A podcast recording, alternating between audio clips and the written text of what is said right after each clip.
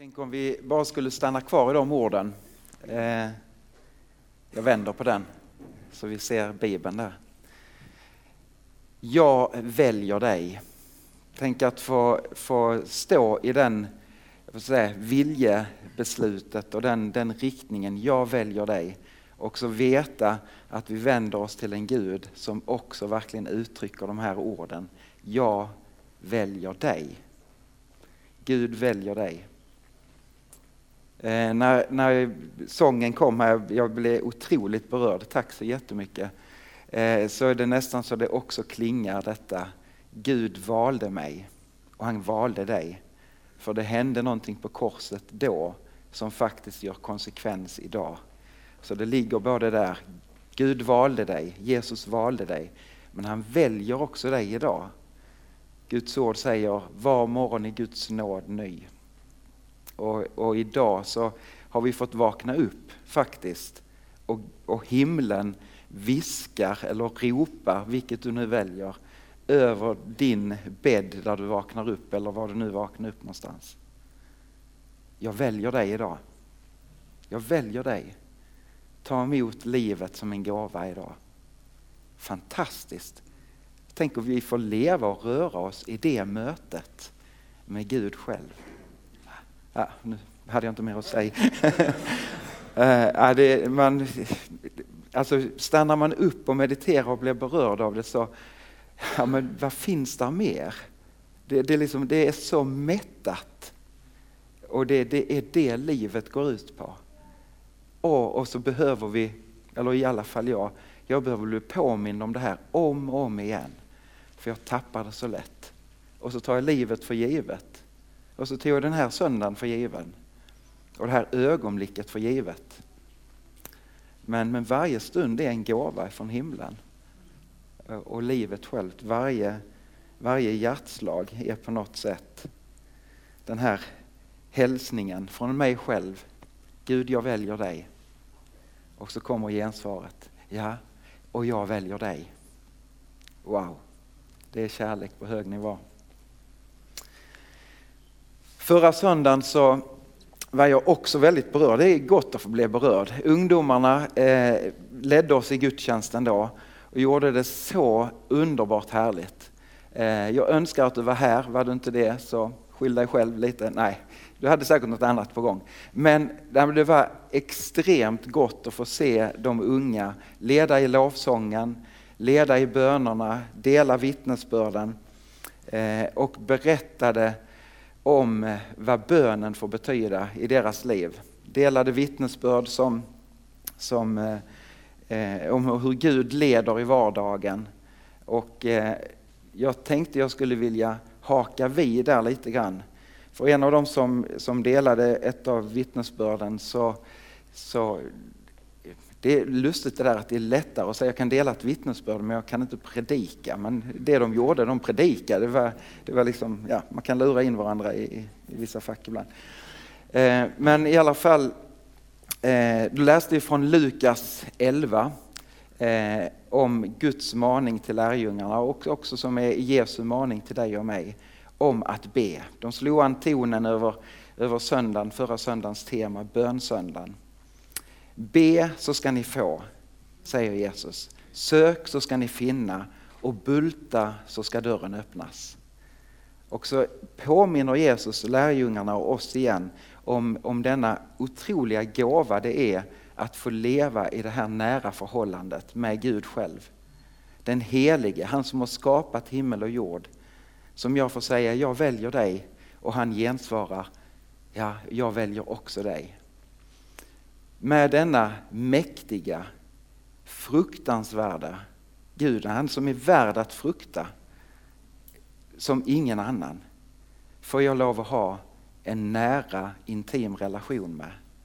Och jag får lov att be, jag får samtala, jag får nämna inför Gud allt det som ligger på mitt hjärta. Och så får jag också förvänta mig ett tilltal ifrån Gud, för han vill också tala med dig och mig. Och fortsätter vi att läsa, och det är väl därför jag vill hänga kvar i, i Lukas 11. Så, så när han har sagt detta till lärjungarna, Be så ska ni få, sök så ska ni finna, bulta så ska dörren öppnas. Och så tänkte han kanske lite extra på mig när han sa detta. För att ja, vissa är så tröga så jag måste stryka under det en gång till. Så säger han, för de som ber, de får. De som söker, de finner. Och för de som bultar så kommer dörren att öppnas. Han säger egentligen samma sak sex gånger och bara trycker på. Och sen så ger han dem en bild, en liknelse med de här orden. Finns det någon far ibland er som ger sin son en orm när han ber om en fisk? Eller ger honom en skorpion när han ber om ett ägg? Om nu redan ni som är onda förstår att ge era barn goda gåvor, då ska inte Fadern i himlen ge helig, ska då inte Fadern i himlen ge helig ande åt dem som ber honom? Så säger Jesus detta att inte att liksom, ja, ni är onda, utan han, han, vi ställs som människor i förhållande till Gud som är godheten och kontrasten blir på något sätt påtaglig. Och så säger han, om ni som, som ännu inte liksom lever i den fullödiga kärleken som Gud är, om ni ändå förstår att ge era barn goda gåvor, ska då inte Gud som älskar er så mycket mer som är den fulla hela kärleken, skulle inte han ge, vad då? Jo, helig ande åt dem som ber honom om det. Gud överger inte, utan Gud väljer alltid att gå med dig. Gud väljer alltid att gå med oss. Och det, det kan vi periodvis i livet ha svårt att förstå och svårt att tro, för saker och ting kan drabba oss som, som där man bara står med ett stort frågetecken. Varför Gud? Men då får man hålla fast i sanningen. Gud går med oss. Gud går med dig. Ibland så måste man bara gripa tag om det här. Och så säger Jesus, be så ska ni få. Och sen så fortsätter han säga, be om den heliga Ande. Be om Guds närhet i ditt liv. Det är en god bön att be, en livsviktig bön att be. Och det är en bön som Gud vill svara på. Ibland så nästan så jag tänker att vill du be en bön där du garanterat får ett bönesvar? Där du liksom har Jesu egna löfte på att han, han kommer att svara. Så kan vi be en syndabekännelse, han kommer att möta med förlåtelse. Du kan be om den heliga Ande i ditt liv och han kommer att svara på det. Han längtar efter det, han vill det. så befinner vi oss nu denna helgen mellan förra söndagens bönsöndag som liksom påminner om detta också nästa söndag som är pingstdagen. En av kyrkoårets största högtider. Tillsammans med julen, påsken och pingsten så utgör de tre på något sätt tre stycken så markeringar där det sker ett skifte i tillvaron på ett tydligt sätt. När Jesus kommer, född som ett barn, eh, avstår från all härlighet som han har i gemenskapen, med, i, liksom, eller i Guds egenskapen. Han avstår det och så blir han som en av oss. Så är det som att Gud kommer till oss. Gud med oss. Sen sker någonting i påsken när Jesus dör på korset och han uppstår igen. Jesus gör någonting för oss. Gud för oss. Och så kommer pingsten som påminner oss om detta, att Gud också lever i oss. Det ska Karl få predika om nästa söndag och, och det ser vi fram emot. Men så är vi på något sätt i den här brytpunkten innan pingst, där vi får påminna oss om att Gud går med oss. Att vi, vi på något sätt får be om den heliga Ande, att vi får invänta Gud på, på olika sätt. Tillsammans med denna helgen så, så firar vi också Kristi himmelsfärdsdagen i torsdags. Eh, kanske lite grann tyvärr en, en helg som lite försvinner, men den är urviktig.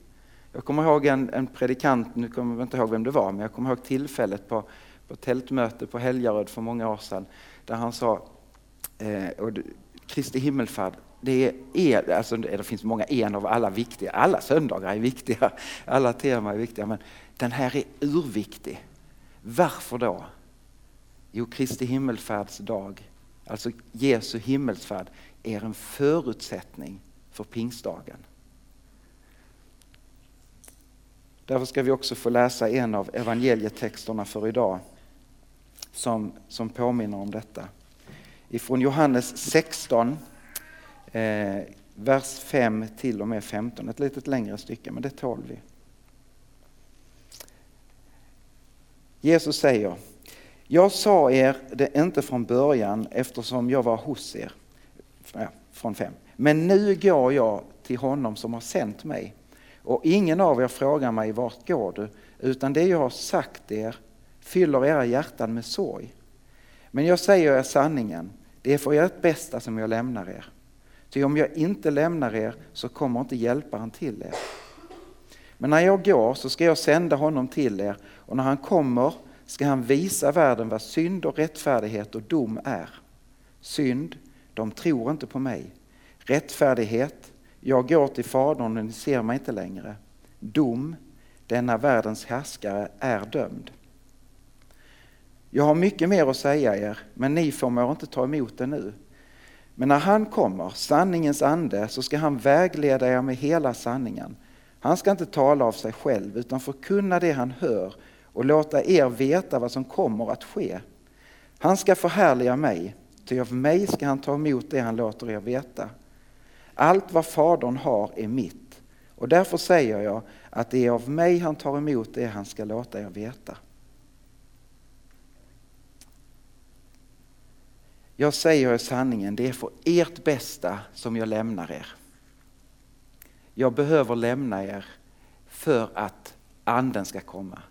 De här orden är uttalade i avskedstalet natten eller kvällen innan han fängslas för att sen också komma att korsfästas.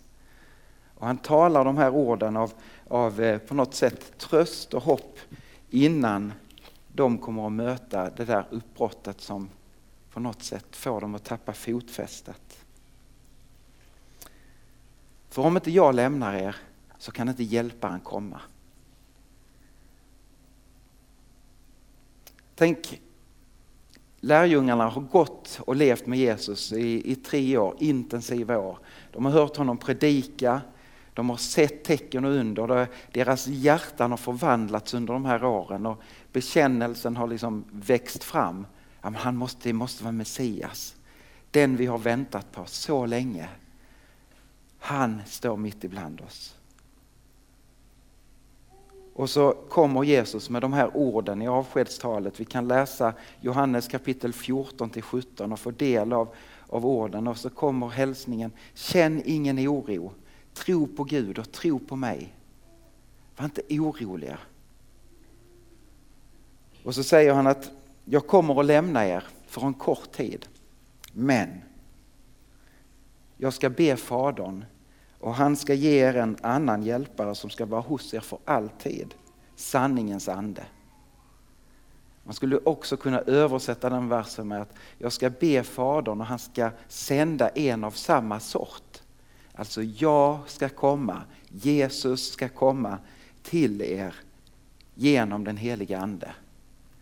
Så därför så kan vi säga Jesus bor i mitt hjärta. Jag kan umgås med Jesus för han är inte längre begränsad av tid och rum. Utan han kan vara närvarande överallt samtidigt. Och han kan viska vid din sängkant, jag väljer dig. Samtidigt som han viskar vid en sängkant på andra sidan jordklotet. Sån är Gud. Och, och Jesus valde detta att göra för himmelsfärden för att anden skulle komma.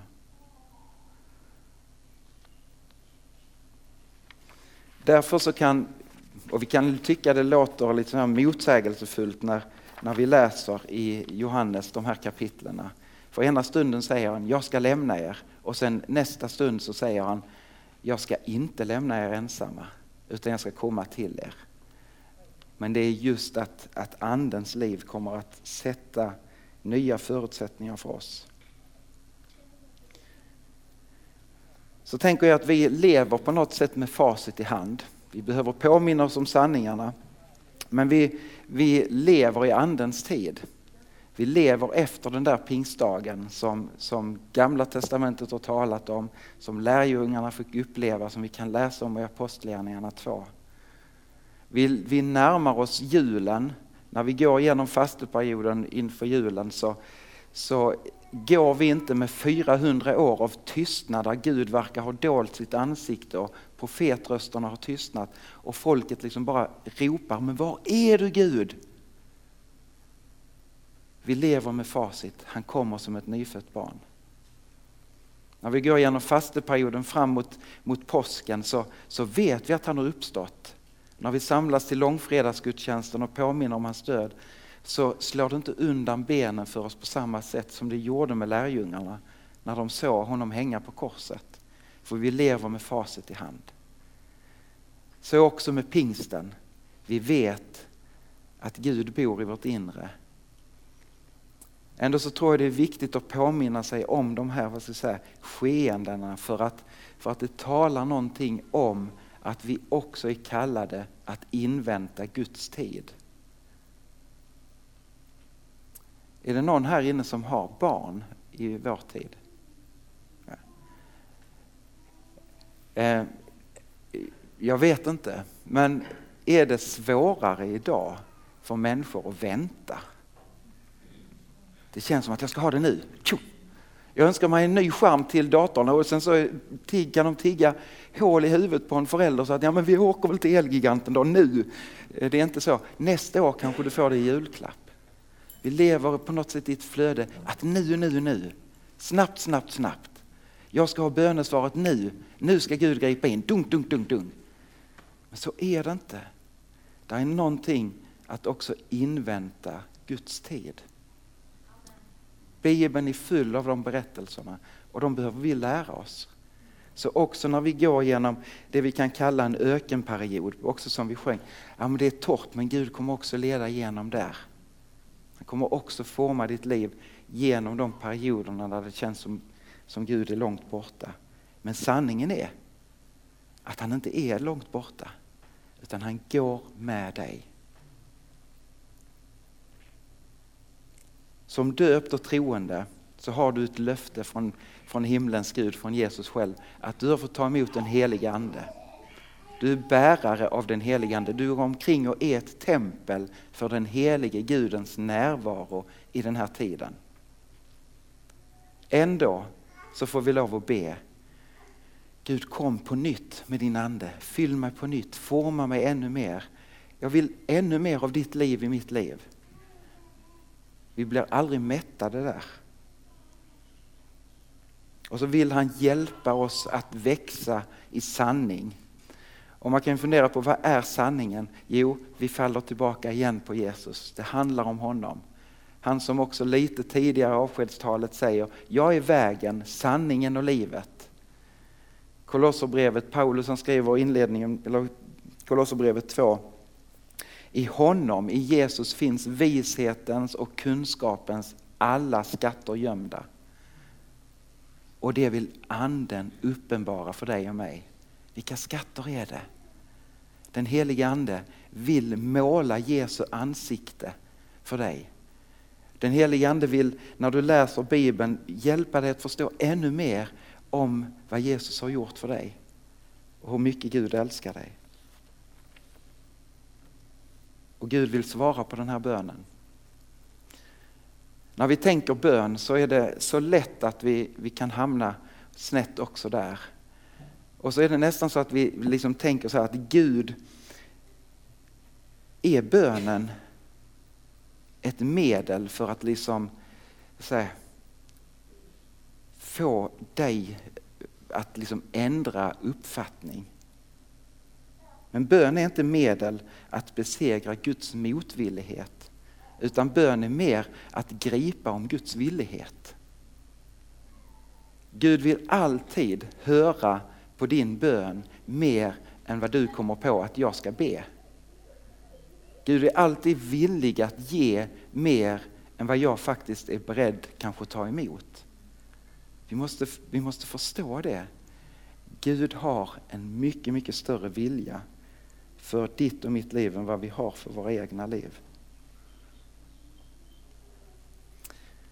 Avslutningsvis så vill jag bara få bläddra upp Romarbrevet 8 och läsa några verser därifrån.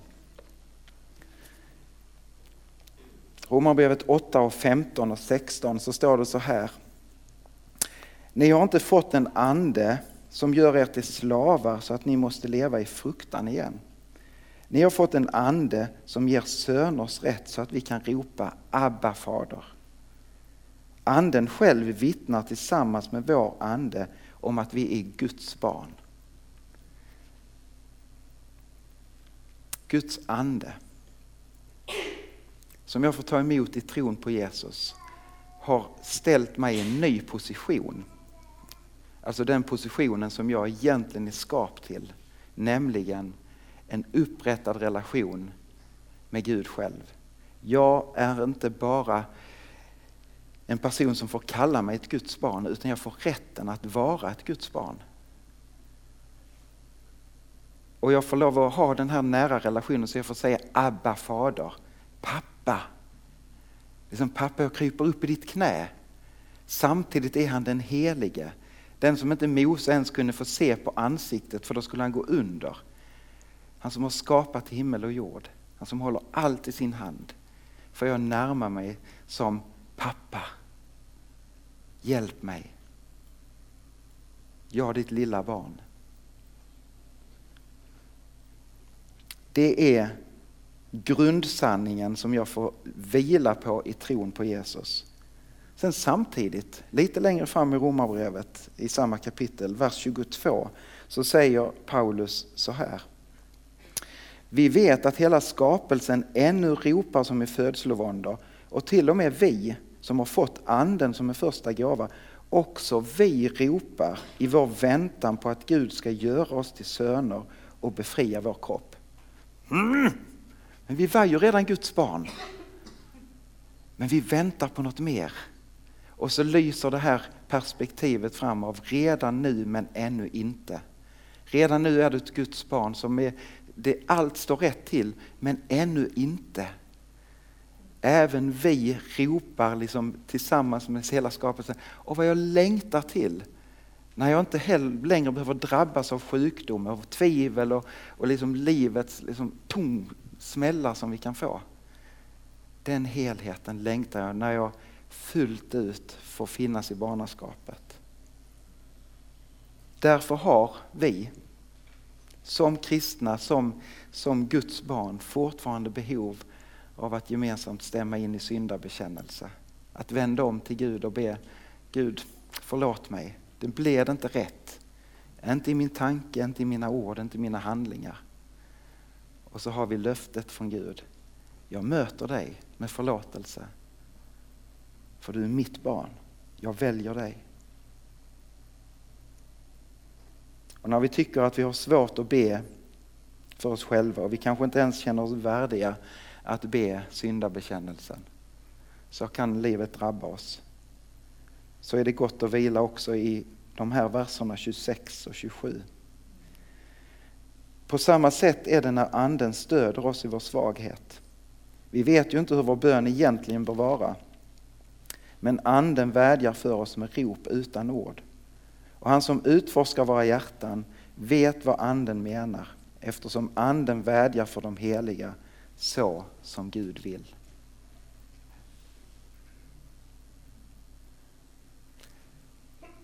Känn på ditt hjärta. Hitta pulsen. Så länge det hjärtat slår så kommer de orden ifrån himlen. Jag väljer dig. Jag väljer dig. Jag väljer dig. Det tar aldrig slut. Och här inne så bor Guds ande som ber för dig ständigt. Med de ord som Gud själv vet behöver bes ut över ditt och mitt liv.